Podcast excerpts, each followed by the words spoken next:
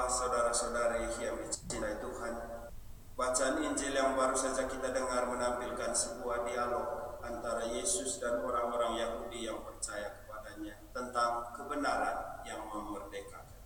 Ketika Yesus berkata bahwa mereka akan mengenal kebenaran hanya jika menjadi muridnya dan kebenaran itu akan memerdekakan mereka.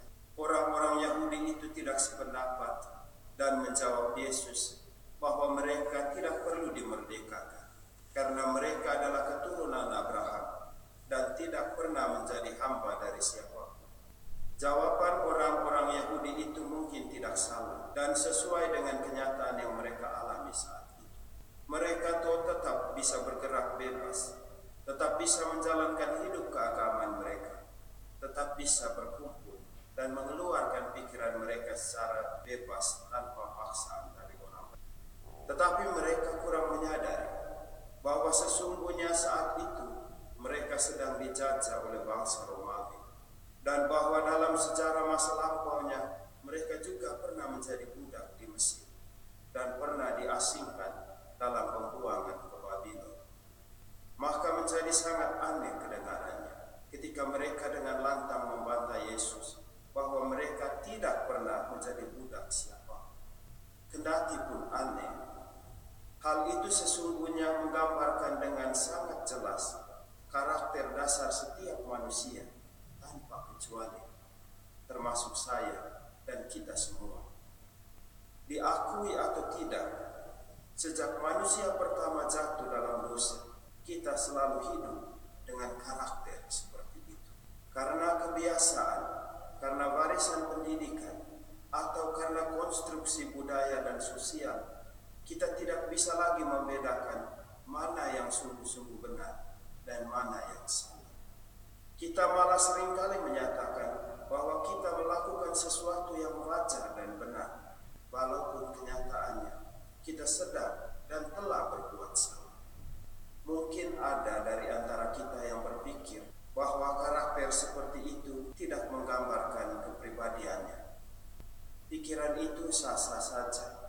Namun, saya harap kita tidak merasa hal ini baru kalau saya mengatakan bahwa menurut penelitian ilmu psikologi, setiap manusia berbohong 200 kali dalam sehari melalui kata-kata, gerak, mimik, dan sikap diamnya.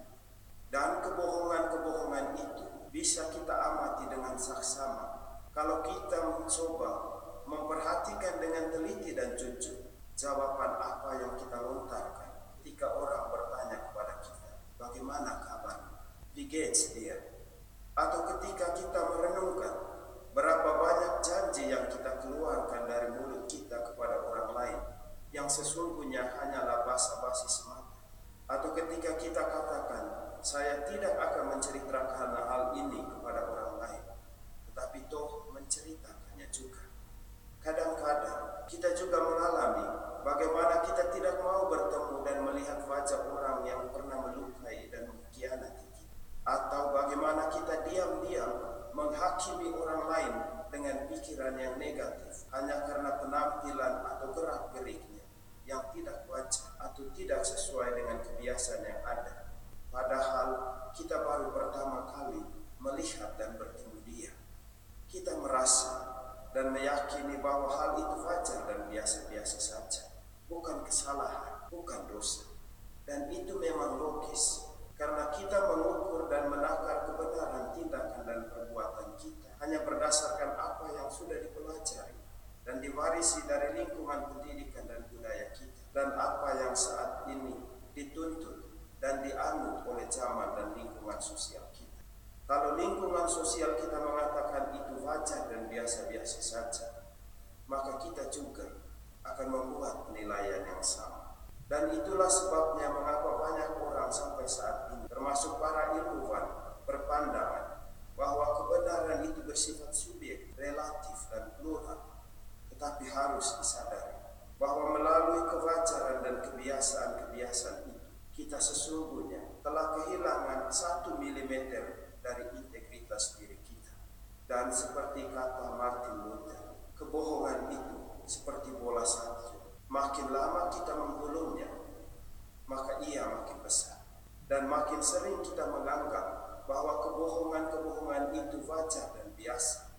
Makin lupa kita bahwa kita telah berbuat dosa dan salah. Dan dengan demikian, kita menjadi budak dosa. Agar tidak terus-menerus menjadi budak dosa dan tidak terus-menerus menganggap diri tidak memiliki dosa marilah datang kepada kebenaran. Dan kebenaran itu bukanlah sebuah objek yang dapat kita miliki atau kita teliti. Kebenaran itu adalah subjek, person, pribadi.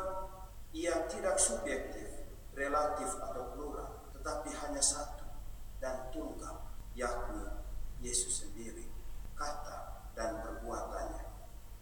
Yesus sendiri pernah mengatakan, Akulah jalan, kebenaran, dan hidup. Dan dalam bacaan Injil hari ini, dia mengatakan, jika kamu tetap dalam firman, kamu benar-benar adalah milik dan kamu akan mengetahui kebenaran dan kebenaran itu akan memerdekakan kamu. Kita akan mengenal dan mengetahui kebenaran kalau kita sungguh-sungguh memahami dan menghayati firman Tuhan, menghayati Injilnya dengan setia. Kalau Injil mengajarkan, kasihilah musuhmu dan berdoalah bagi mereka yang menganiaya kamu. Berusahalah untuk melakukannya, walaupun sering kali gagal. Tetapi jangan pernah membuat alasan. Saya akan juga manusia, dan supaya adil, saya harus membalas perbuatannya, biar dia juga tahu rasa. Dan kalau Injil menyebut, ampunilah saudaramu yang bersalah kepadamu tanpa batas. Berusahalah untuk melakukannya, walaupun sulit tetapi jangan pernah membuat alasan. Kesabaran manusia kan ada batasnya. Alasan-alasan atau argumentasi seperti itu adalah konstruksi pemikiran yang membuat kita sering tidak sadar akan kelemahan dan dosa kita di hadapan Tuhan. Dan itu berbahaya. Kalaupun tidak tahu, tidak dan belum sanggup untuk menghayati nilai-nilai Injil secara radikal dengan setia, kita tidak perlu mencari alasan untuk membenarkan atau membiasakan perbuatan kita. Lebih baik kita mengakui kelemahan dan kesalahan kita. Toh murid-murid Yesus bukanlah kumpulan malaikat. Mereka adalah orang-orang berdosa yang dari hari ke hari terus menerus belajar untuk makin dekat dengan kebenaran dengan Yesus sendiri. Dalam masa karantina ini, kita punya banyak waktu untuk diri sendiri. Baik juga kalau kita sungguh-sungguh bertanya diri, apakah saya sudah sungguh-sungguh menghayati dan melaksanakan pesan-pesan Injil yang saya sudah paham? Ataukah saya masih menunda pelaksanaannya hanya dengan alasan bahwa sebagai manusia saya punya keterbatasan tertentu dan wajar kalau tidak melakukannya. Tidak ada yang menghukum kita kalau kita gagal dan belum 100% menghayati pesan-pesan Injil. Kalau kita gagal, tetapi masih bisa menangis seperti Petrus yang sadar akan kesalahannya kita adalah murid Kristus yang sejati, yang di atasnya gereja kokoh berdiri. Tetapi kalau kita gagal dan belum secara radikal melaksanakan Injil dan lantas berputus asa dan tidak mau berusaha lagi untuk memulai sesuatu menjadi Yudas Iskariot yang setelah menjual Yesus tidak mau berbalik, tetapi memutuskan untuk bunuh diri dan mengurung diri dalam pikiran sendiri. Pilihan itu